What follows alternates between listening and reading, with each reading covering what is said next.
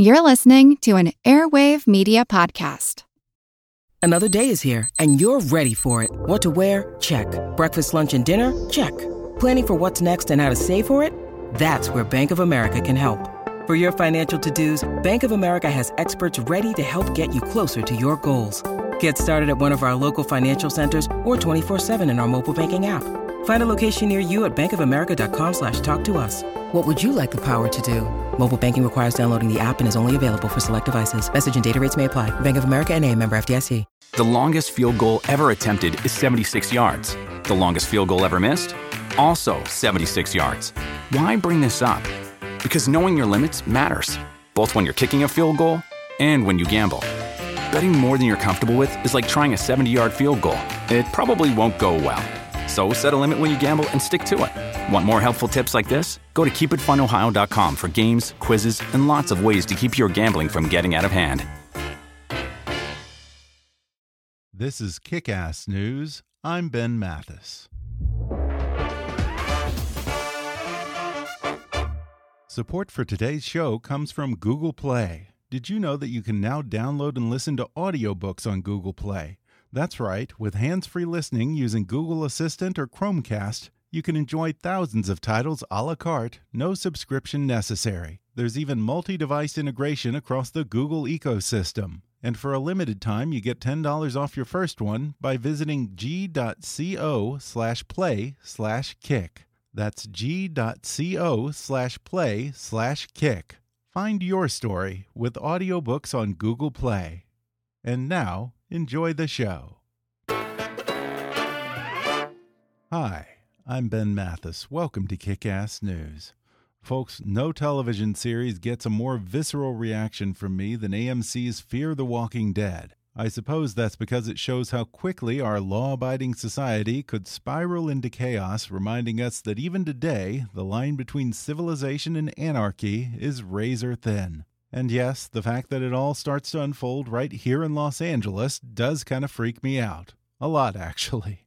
Now, in its fourth season, the show that spun off from the original Walking Dead series is doing its first crossover series with characters from the original. It has brand new showrunners and some exciting additions to the cast, including Jenna Elfman, who plays a mysterious nurse caught between her need to help others and her desire to escape her past. Today, Jenna joins me on the podcast to talk about joining the Walking Dead universe, her own strategy in a zombie apocalypse, and how working on the show inspired her to think about preparing for the worst within her own family. We talk about how the show is reinventing itself in season four, her first experience with a zombie on set, how doing her own stunts has made her a bit of a badass in the eyes of her two young sons, and what it was like interacting with The Walking Dead's die-hard fans at Comic Con. Plus, Jenna discusses what to look for in a good emergency kit, how for Jenna and her husband, the couple that podcasts together stays together, and Dharma and Greg in the age of Donald Trump. Coming up with Jenna Elfman in just a moment.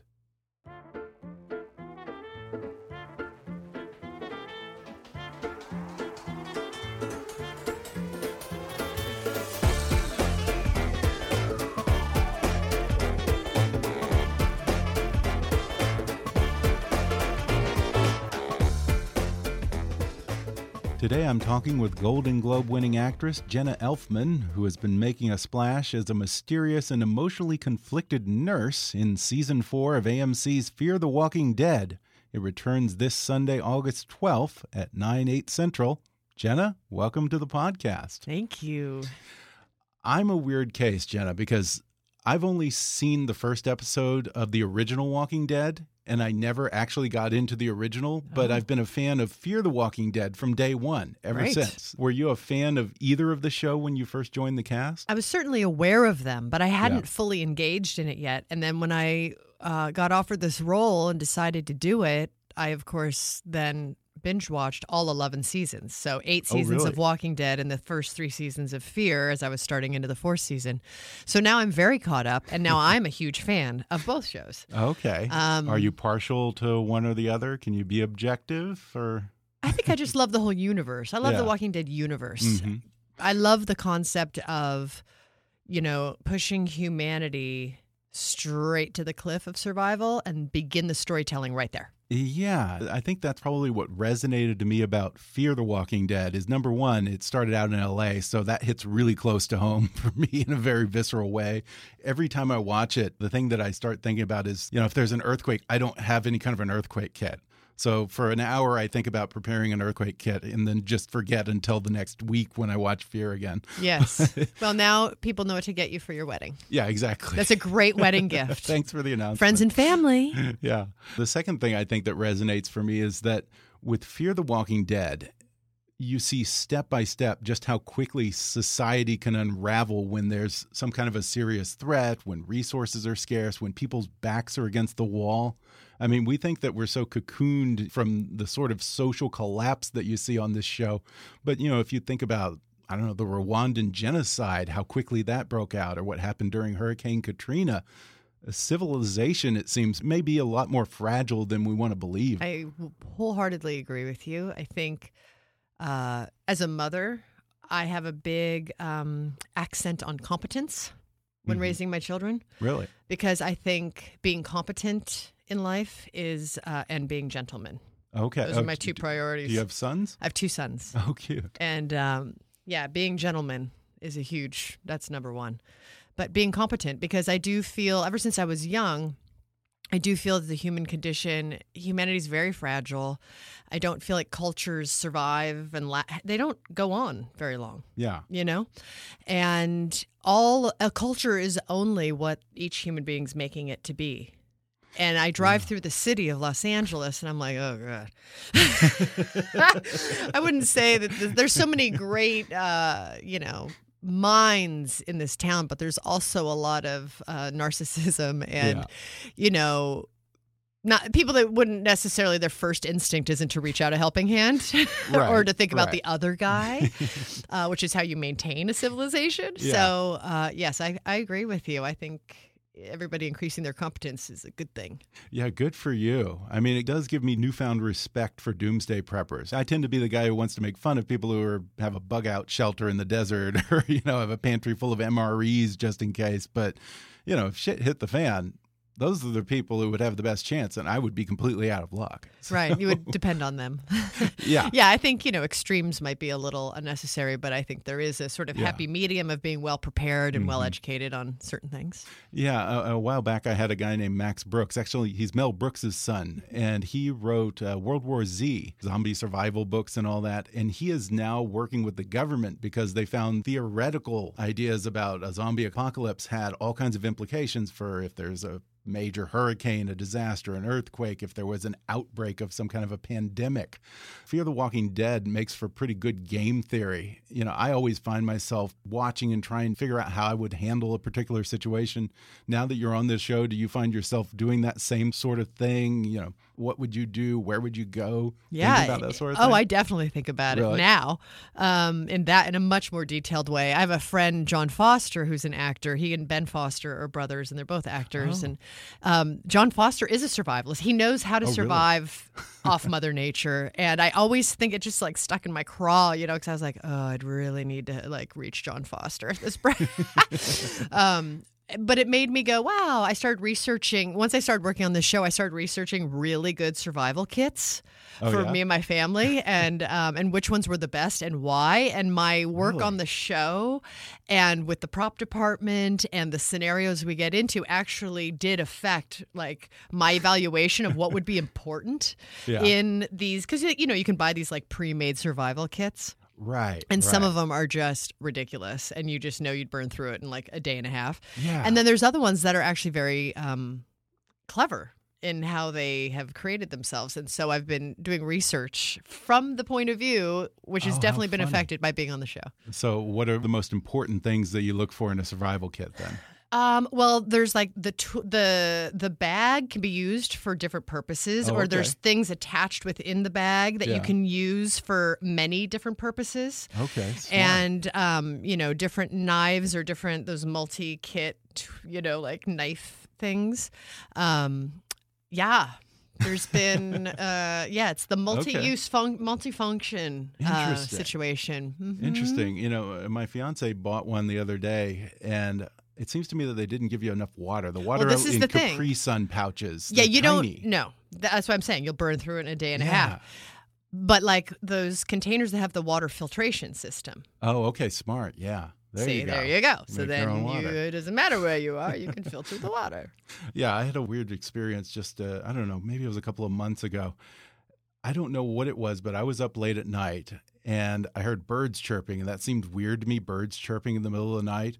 And then I saw what I thought, I later learned that there were a couple of huskies that someone had lost or something like that. But outside the window, it looked like two wolves walking down the street. Oh, yeah. And, you know, they always say that animals know about earthquakes long before we do, and it's like the big tip off. So I started freaking out. I'm like, we don't have enough water. So I started finding every uh, pitcher and thing that I could find and just filling it with sink water and putting it in the refrigerator. The next morning, my fiance looks in the refrigerator. She's like, what is going on? I'm like, what if there was an earthquake? But it's interesting. Your first thing you go to, it's like it's interesting. It's an interesting self evaluation to see where your mind goes first when you're actually faced with what you think might be a threat. yeah. Like, where do you go first? And you went straight to water because you know that's the bottom line. Like, you mu- you cannot survive without water. yeah. Um, yeah, that's. I think uh, the filter situation is uh, is Yeah, where it's that's at. smart. Yeah, I got to check our kit and see if there's a filter in there. That's Yeah. a good idea. And remember to update your kits because stuff expires, and that's the other thing. You got to Oh, like that's put it on your annual calendar as like an annual repeat to like check your kits because stuff expires. Wow. Okay, well, those, that's good advice. Uh, how did you originally get cast as Naomi in season four? Well, I'm What's the officially of June. There's the whole name. Uh, Uh, yeah, where are we? okay, so the we are. I am? June. Okay. So basically, what's very funny is um, because you know with the cast, we're not always filming in the same episode. We're on different Mm-hmm. days, or you'll film one scene from one episode one day. Yeah. Um, but then later in the day, the cast is there to film a scene from another episode. Every if you have to do some pickup Right. shots, and so um, they'll you know people will sometimes be like, "Wait, you're who? Wait, so what name are you now?" And they get all accusatory, and I'm like, "Listen, it's like a funny thing." I'm like, "My name is June," which we find out in episode 408, the Yeah. end of the midseason. I just said my name was Naomi when Madison and company find me. Yeah. I just didn't tell them my name is June. That's all I'm responsible for. When and to John, you to are, John, uh, what, he Laura? named Yeah. me Laura Yeah. because I wouldn't tell him my name. but everyone accuses me of like changing my name all the time. I'm like, I, I lied once. But no, she's June. Um, and now I actually went on such a rant, I forgot your question. Oh, I forgot my question too. But it Drinking does, coffee. I told you I turned into a chatterbox. It, it does make me wonder. Then, when you're shooting out of sequence, does that lead to some sort of existential crisis for you? You show yeah, up at the sometimes. set, you're like, "Who am I today?" Who am I? um, when they were shooting, you know, the first half of the season, there's two timelines. So that I luckily was only in one of the timelines until the very end. So I didn't. I, I did then have to take both timelines, all the scripts. I separated out the two timelines and put them each into their own script okay. and then read each so that I could really track all the emotional beats, not just my own, but the Yeah. whole group. So I really understood where everybody was at in the storytelling. Yeah. Um, this back half of the season has only one timeline, so I think it'll. Okay. There's this simplicity with time on this back half. But I actually, all the listeners are sitting there knowing what question you asked me that I've forgotten. Oh, that's all right. you don't have that's it all on your computer? I, I do have a computer. I think I started with the How did you get on season Oh, that was it? But I'm Oh, you called me Naomi, and I went on the. Naomi rant. Yeah. I'm- Okay. I will say that I am looking forward to the second half where you don't jump around too much here because I am very simple minded and easily confused by most modern television series. Yeah, but you binge watched. Was it a little bit easier for you as a bit in a binge I guess capacity? it was actually now that you mention it. Yeah. Yeah. yeah, but I know I know what you mean. Yeah. Um, so uh, my agent called me and said, so they're bringing in some new cast members to Fear the Walking Dead,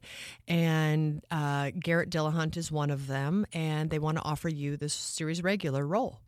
And uh, I was out of town, and so I couldn't go meet in person with Scott Gimple, and so we Skyped.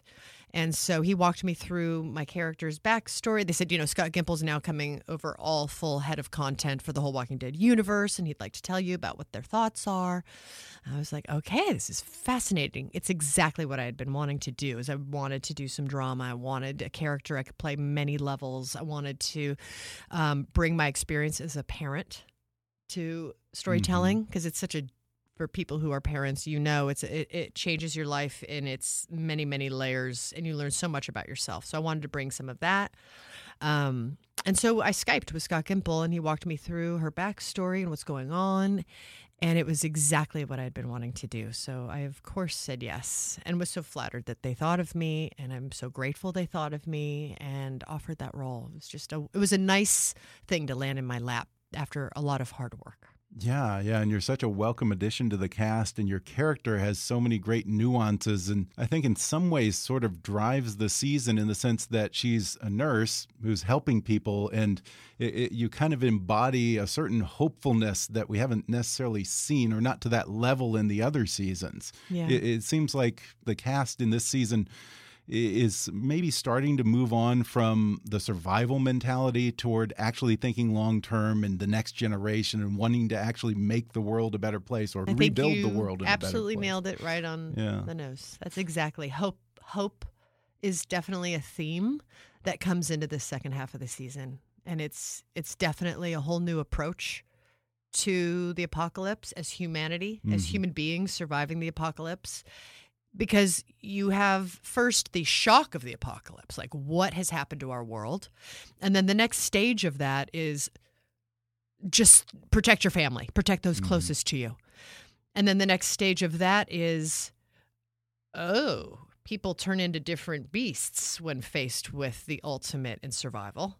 And then you have all that conflict and you have the learning curve of how to survive both the walkers and the crazy people. Hmm and Yeah. who's friend, who's foe. Yeah. and you have to start forming new factions. And so then you have the sort of that territory of the storytelling that evolution. And then you get to okay there's friends there's foe there's people who swing back and forth because it's freaking hard. And we're all tested constantly. And when you're starving and tired and have heavy loss it changes you. And when when your life is threatened at every minute at every day that's kind of what human beings were a very long time Yeah. ago Yeah. and so we're at a sort of a new stage of evolution with human beings. And and then you get to that stage in the apocalypse of so who are we and what are we doing? hmm Exactly what you said, more than just surviving. Like can we do something with it? We've made it this far, so we must have some kind of ability to survive. So who are we and what is our value and what is life going to be now? And that is kind of where our season 4 takes us. Yeah, and and it's interesting because here you have people who are literally trying to make America great again, trying to connect with people that they may not have an immediate familial connection to, or reevaluating their assumptions. There doesn't seem to be a whole lot of that in the Make America Great Again today. It, it sounds so funny to have to say it because you feel like, to me, this feels like it's common sense. But we're all sharing this space together. Yeah. And yes, Right. there's differences. That's what makes it cool and dynamic and exciting. But despite all the differences, and I don't want to, you know, sound too, you know, like soapboxy, but I, I really, we all have hearts that beat. We all want to survive. Everyone wants to survive. So that's why I feel like the apocalypse backdrop is is very highlighted to our current culture because I really it doesn't matter what race, what anything mm-hmm. anybody is. We all share the earth. We all need to survive and we all kind of are affected by each other's choices. And there is a common sense band of existence that involves just common sense help hmm you know and and a responsibility to your fellow human being from a, a brotherhood point of view Yeah. and i feel like if if that message is taught and people you know and children are educated about helping people it's like it doesn't cost you anything and it only Mhm. makes the world better like any degree of help is worthwhile you know and just thoughtfulness and consideration. And it doesn't matter who someone prays to if they're also generous and kind and respectful you know to their fellows. Hmm and that I know that Yeah. might be an overly simplistic point of view because but I just I don't care about race, religion, sexuality. I like what are your actions as a human being, and are people glad you lived? Yeah, and, and I think that's something that we see in your character because you know she goes through this period of of conflict between wanting to be a loner and not wanting to build a connection with anyone to the realization, and I think this is very applicable to today that being a loner is the recipe for extinction. Totally. Community and connection is how we survive and thrive and rebuild. Yes, 100%. And that is, you know, I think when people get a little too fixated on their differences and try to defend themselves against others in their differences, as mm -hmm. opposed to, yes, there's differences. What do we have in common? Yeah. Um, you know, there are so much that we have in common, and communication is one of them. Like yeah. we all look at each other and we all communicate, you know? And, and when you can communicate to another person, you can find some common commonality of some sort and mm-hmm. something you can agree upon that sure. you can then use that energy to improve whatever experience you're in. But there's a, a community becomes its own little organism. Like you get a lot of people together, it's tricky because yeah, you have sure. a group of individuals and each yeah. individual has their own mind which is yes. awesome varied interests totally personal interests but what's the common yeah. denominator and how can every person then contribute to that common denominator for mm-hmm. that group at that time to keep all those beautiful individuals as individuals but moving as this organism of one as a group within whatever group that is and i think that's the tricky part why you need great leaders we're going to take a quick break, and then I'll be back with more with Jenna Elfman when we come back in just a moment.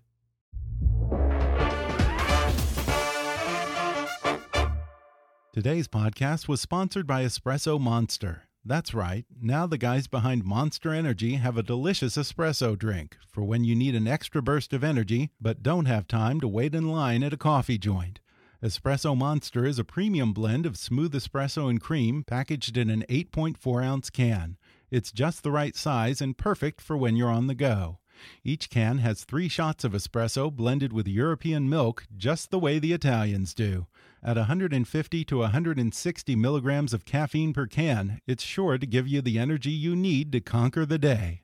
Espresso Monster has two delicious flavors to choose from espresso and cream and vanilla espresso. That one's my favorite. Man, it is tasty. Produced in Denmark and the Netherlands, Espresso Monster is made with freshly brewed espresso coffee, hormone free milk, and a unique energy blend that's complete with taurine and B vitamins. In fact, I had one just before taping this podcast. You know how sluggish you feel around 1 or 2 o'clock after lunch? Me too. And when I'm tired, I can't get anything done but I had a yummy vanilla espresso monster after lunch, and it gave me just the jolt I needed to power through the rest of my day. Try it for yourself. Close your eyes, take a sip, and enjoy Espresso Monster today. And now, back to the podcast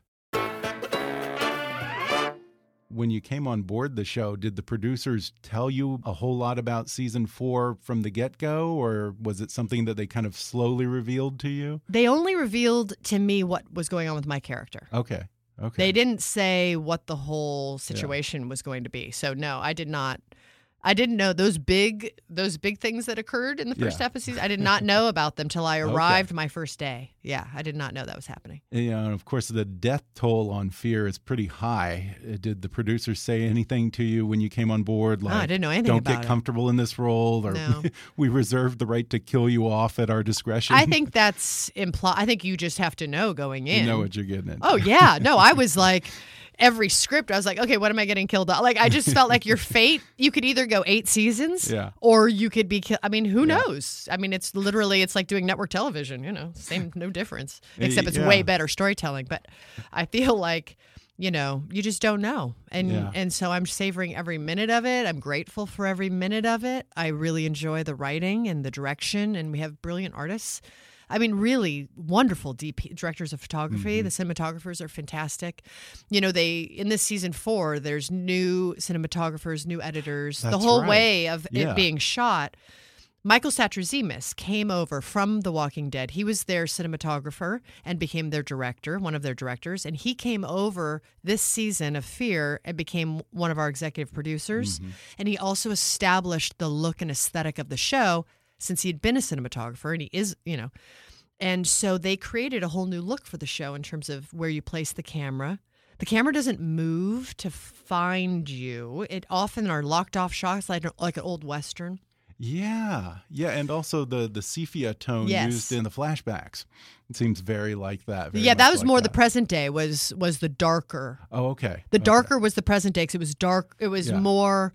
It was after everyone had the loss, and the flashbacks were sort of colorful and more optimistic. Okay. I told you I have trouble with figuring out. No, it's fine. You're not the only one. But that that was a, a clever visual way to help people feel oriented as to what timeline they were in. But um, it's just they they kind of gave the show a, an aesthetic overhaul. Yeah, and it must be nice for you to come in at a time when the show is reinventing itself, sort of, because you know, as a new actress on an established series, that can be very intimidating a lot of times. Utterly. Yeah. Hundred percent. It was completely intimidating. Even even so, it was still intimidating. Yeah. I had a big learning curve to go on, and I really enjoyed it. And it, I was highly uncomfortable a lot of the time as I was learning new things about myself as an artist. I was learning new things about this mythology, you know, and um, it was it was uh, a lot of sensation. And I I started really finding my groove by the second half of the season, which I'm very excited about. And of course, it's also the first crossover season Yeah. that Walking Dead has ever done between the two shows. Uh, was there any kind of a rivalry between the casts of the two shows? Well, you know, they're in Atlanta and we're in Austin. So Yeah. I'll, I'll sometimes see them at conventions, you know, because we'll go to fan conventions and Oh, then we're yeah. all there and we see each other. And But no, I, I actually, one of the um, Walking Dead cast was my next door neighbor. Oh, and so we would sort of powwow over the fence, and uh, and and then I would see a bunch of them. I have another friend who's on the show, and then yeah, we would just powwow at conventions, and it's Yeah. so lovely and sweet, and everyone is just cool. So I don't, I mean, I don't think there's a competition from us. I think a lot of people Yeah. like to throw it out there and try and Sure. create one. Sure. Um, But this was the first no. time that you guys were actually working with each other across the two shows. Yeah, I mean, as a newcomer, I, I was just, I just thought it was so great. Yeah. You know, I it wasn't like I was already one, and then there uh, there was a crossover coming into my show. But um, I think that's the thing too is rather than having fear be like this other secondary unit, it's really been brought under. Mm-hmm. I think it's smart too. Just create a Walking Dead universe, you know, and a Walking Dead family yeah. instead of this kind of otherness that I feel that maybe Yeah. fear previously had is like this otherness. It's like let's bring the storytelling under one umbrella, Yeah. you know, and definitely there's different aesthetics and dynamics and wholly different characters. But I like the idea that it's a little bit more united in, in oh, its yeah. It may never end. I mean, Yeah, but how great. What a great Dead Paris, institution to have generations. yeah. Yeah, and you have different We don't even know generations watching it. everywhere else outside the U.S. Fantastic. Mexico. so- Or we may. oh, okay. Well, maybe I need to. Wouldn't it be fun to see what's happening would in other countries? Uh, I'd be interested in I that. am I'd watch that in a second. so even though you're relatively new to the show, you have had opportunities to go to Comic Con and those kind of things Yeah. and interact with the fans. What are they like? Oh, they're awesome. Yeah. You know, I'm a fan too. Yeah. You know, and so I love talk. Well, clearly I love talking, but um, I love talking, sharing with them their passion. You know, I love talking about all the characters, the relationships, the story. I could talk about it for. I love it. I'm totally engaged. So I find it really fun, and you know. I think it's cool that these conventions exist where people with this common interest because it's it's not like a light passion it's Oh yeah. heavy passion. and I think it's cool that people who have that passion can all come together and Yeah. experience it together. I think it's cool. Yeah, but you know, it's a thin line between love and hate with some fans. No, yeah, totally. That's been clear too. Character. Sure. have you, That's have okay. I'm tolerant of some to of all that. I, I Yeah. the only thing I request is in my own little head, you know, is that people do understand there's a difference between the actor and the character. because sometimes if they'll get upset that like a character exists, Yeah. then they think that it's something Jenna Elfman is personally assaulting. like if they have a fan, you know, and I like have a gun aimed at someone, there, I'm like, this is not Jenna Elfman. Like, Yeah. you know what I mean? so uh, that's the only thing is sometimes they lose.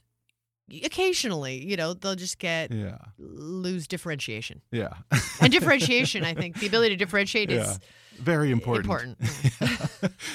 Do you ever go on any of the message boards and read some of the fan theories about your character? No, No. no. Only because I'm raising two children Okay. and I am heavily things to committed to, that. And I don't have a lot of spare time in my life Yeah. with filming in Texas and living in Los Angeles. I've been with my husband for 28 years. And, you know, as you're engaged, you know, having a Yeah. relationship is its own little creation and Yeah. takes time and mental energy and attention. And uh, then there's two small children, and that takes a lot Yeah. of time and beautiful attention. and uh, and then there's just life stuff. You know, you've Yeah. got life and stuff to maintain and correspondence to do. And so I'm very busy.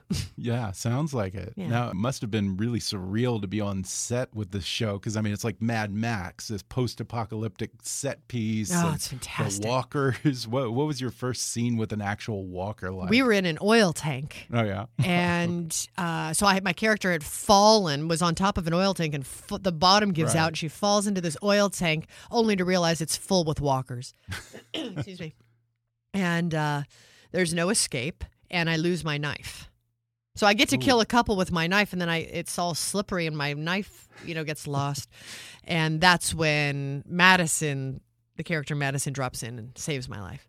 Um, so it was very intimidating because there was like nine stunt people, and I had to learn, which I love. I was a dance professional dancer, so I like choreography. I'm comfortable Okay. with choreography. I need choreography in a big fight sequence, like Yeah. paint by the numbers. You know, it's like this beat, that beat. Yeah. It's very organized, and I like that Yeah. And you do your own stunts in this, right? as much as I can. Yeah. Yeah. I mean, I'm I'm I did the thing where I fall from the top and then I fell like what four feet onto a pad, no big deal. Um, and then a real stunt person fell the like eight feet, you know, Right, from right. the top Still- into the the teamwork. Thing. Yep, yeah. And I'm very appreciative of those talented stunt ladies. I just I love being physical, so I try to do as much as I can myself within reason. Um, but I had to learn all this, you know, choreography on where to grab them you know, because you're working with choreography of stunt people. There's also the sort of rules of walkers and where you need to hit mm-hmm. them. And then there's the slimy, gooey factor of the oil that you have to play. Yeah. But a lot of that choreography, you really have to work with the camera because the camera, especially on Fear, isn't moving very Right. much. So they can't, if you don't get it exactly right at the right angle, and it has to be the correct angle for the special effects people to then insert all the blood. Yeah.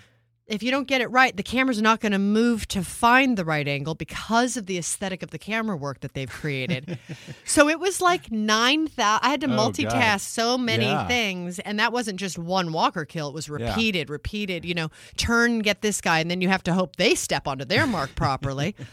So that was a lot. And we're all in water. We're like drenched for oh, hours Oh, sitting in this oil tank of I still don't know what I was in all day. I don't I really don't know what it was. Um and I didn't really want to know.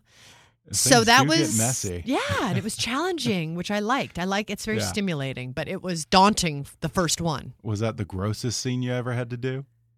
Oh God! I, I literally my first several episodes I was like wet. Then we had like a water park scene where I was wet and going through green mossy old water park, killing walkers in the water park. So that was disgusting. Um, I think the water park and the oil were probably two of the most disgusting. Yeah. oh, and then I was muddy because I washed up in the Laura episode, in episode four hundred five, and I was it was like twenty nine degrees outside, and I was in the actual river, half in the canoe, at like three in the morning.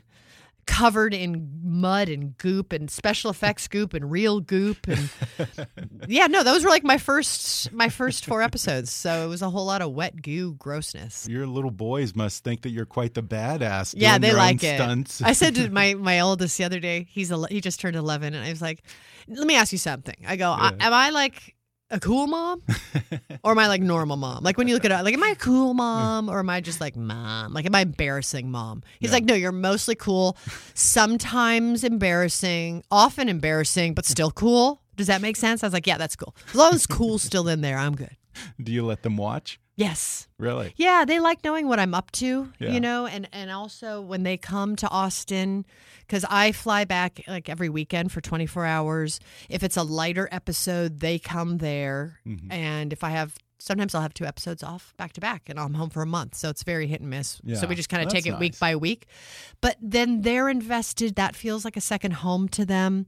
Their Okay, apart yeah. my apartment there is their apartment. So that it doesn't Mm-hmm. feel like just mama is absent. I don't want that. And it's a very tricky line to balance being away Oh, yeah. as the mother of two boys. I mean, if, even if it was two girls, but there's something about for me my boys, you know? Um, I, it wouldn't matter. It's you're away from your kids. You're the mother. It's a thing. Yeah. I think it's easier for a father to be away um, than the mother. I don't know. Yeah. It's just you know they came out of my body. It's there's a connection. We all know, Yeah. good or bad. Mom is a Yeah. is a thing. So you know. do you feel pretty competent about balancing I the do. work life balance? I do. I work really, good. really hard at it. I give it a lot of my attention. I care a lot. It's not okay with me to just be like, eh, they're fine. You know, I, I can't be a parent like that. I really do work hard at it. Well, before we go, I have to bring up Dharma and Greg because, you know, I look at it today and it almost seems quaint. You have a conservative Republican and a liberal hippie being able to treat each other as a human being, much less falling in love and getting married. Right. Yeah. I mean, today, no one on either side is even talking to each other. We're so quick to demonize. Do you think that a I don't like romance like that. that would even happen in this environment? Yes, just not in Los Angeles. Yeah. In Los Angeles, the the the the line is so drawn in such Mm-hmm. a heavy, dramatic, histrionic way. I feel like both sides, in that capacity, when it gets that histrionic, are violating the key things they wish the world would be. They're being the way they wish what they're fighting about. yeah. Um, and that's why I talk about common sense. It's like, can we please? Can there be a political party called the Common Sense Party? Right. please, please, for the love of, I mean, please. So, um, it's Yeah. It's always the other guy who's uncivilized, breaking societal norms and so forth. We're never guilty of it. So Yes, no matter what. I totally. I, I get you. I have friends that are all parties, and I love them all for all of their viewpoints. I, I, I really. But m- my thing is, I look at their actions, and I Mm-hmm. think you have to look at the actions of human beings. And it doesn't, like I said, it doesn't matter what skin color I, of any of the categories of human of humanity. None of it matters except what are the actions of that individual human being in front of you. Yeah. Period. That's where it ends. Because it does. It, I know white people. I mean that are h- horrible. And I know wonderful. I know Asian people. I know Koreans. Like I want to be in their family. I, I you've met everything. It doesn't matter. Straight, Yeah. gay. I don't care what religion. I don't care. I really don't care what differentiating, identifying quality uh, someone is categorizing themselves by. What are their actions in this world, and is it enhancing the survival of of themselves and those in their immediate environment? You know, on the main, or is it are they ca- harming the main to preserve the few? Yeah. you know, and you can't please everybody, of course, but there are common threads of humanity that affect that we can have in common and keep Absolutely. it simple. There is a simplicity and a beauty to simplicity. And I'm done with my soapbox. I just want a common sense party. Can someone please start that, please? I mean, with the revival of Roseanne and uh, Will and Grace and all these shows, I have to think that there's been some discussion of reviving Dharma and Greg at this There hasn't been a serious discussion, No? believe it or I'm not. shocked. I know. Of all the things in I this know. climate, that seems like the one that they would want to revive. Yeah, I know. I, I I don't really know. I've said, you know, of course I'm down for it if it's done well. Yeah. Um, I I have mainly been pushing to try and have 20th Century Fox make all the seasons available because I think that it Oh, still yeah, holds yeah. up mm-hmm. uh, because we never reference pop culture very much, and so it's not sort of categorized, and it just feels like timeless. The comedy still holds up, the relationships hold up. And um, I just want to make sure it's available for future generations, you know? Yeah. Well, we just have to wait till the end of season four here to see if you're be Yeah. available for it. So- mm-hmm. Also, I want to plug your podcast, which you Oh, host with your husband. It's called Kicking and Screaming. Uh, what kind of things do you guys talk about on there? Well, you know, the funny thing with Bodhi and I is we are very different. and we have somehow managed to stay together for 28 years. and people say, "That long in Hollywood? How do you do it?" Yeah. And we say kicking and screaming because Okay. that's kind of the nature of our relationship. We're best friends, but we are in conflict often. But humorous conflict and sometimes not so humorous conflict. Yeah. And we feel like no one ever talks about relationships for Right, real. Right. Everyone wants you to think they're perfect. No, yeah, no, and I, especially with Hollywood couples, I feel like it's always Oh, yeah. Mm-hmm. you know what the publicist wants people to see, Right. and then all of a sudden they're divorced, and you're like, but they looked so happy. Yeah. Or in television shows, it's either like marriage is so painful, or oh, it's like hee hee hee laugh track, and it's all of it. And so we talk about it. We talk about our relationship very candidly. We withhold nothing. We don't edit. We don't re-record. It's just us Wow. That's and brave. we film it as well, so you can listen to it or watch it. yeah. Um, we film it in our house or our friend, you know, if we're depending on where we're at, we film it wherever. Um, and we talk it. We talk sex. We talk.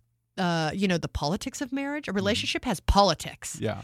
and I'm a strong woman but I love men, and I don't. I'm also a feminist, but I'm also love contributing and making and helping him. But I'm not great at it because then my feminist side kicks in. I'm like, dude, seriously, get it yourself.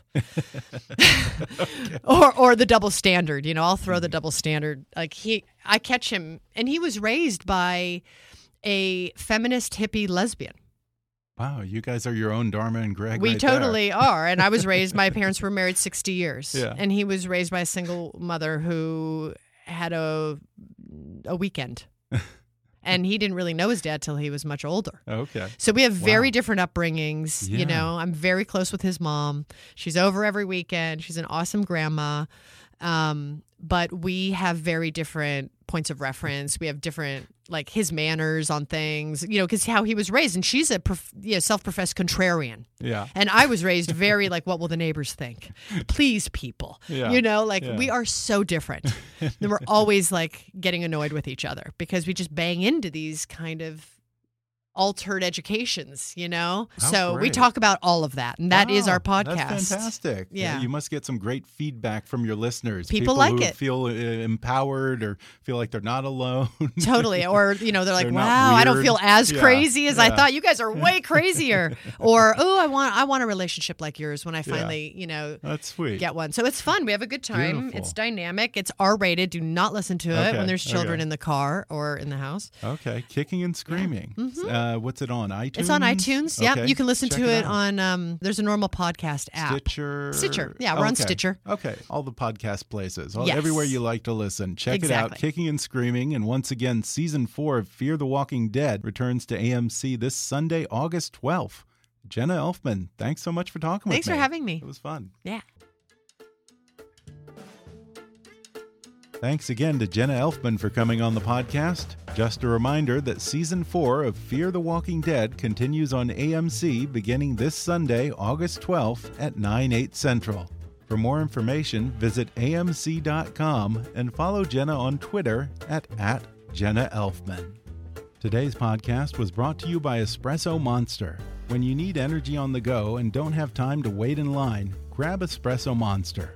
Espresso Monster is a premium blend of espresso and cream made with freshly brewed espresso coffee, hormone free milk, and a unique energy blend complete with taurine and B vitamins. Each can has three shots of espresso and comes in vanilla espresso or espresso and cream. I wouldn't even be recording this podcast right now if I hadn't had a vanilla espresso monster after lunch today. It's delicious and it was just the jolt I needed. Try for yourself, folks. Close your eyes, take a sip, and enjoy Espresso Monster today.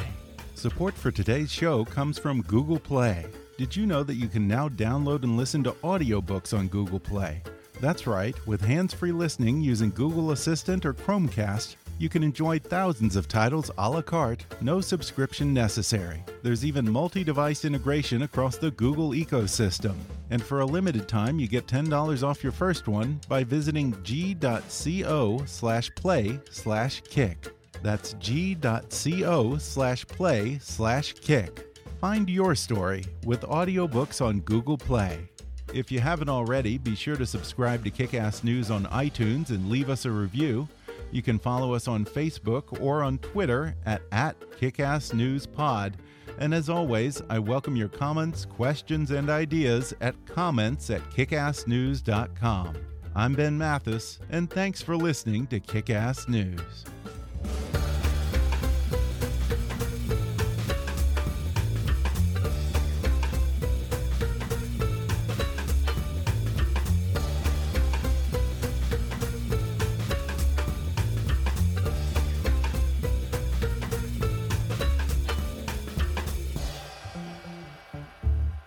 Kickass News is a trademark of Mathis Entertainment, Inc.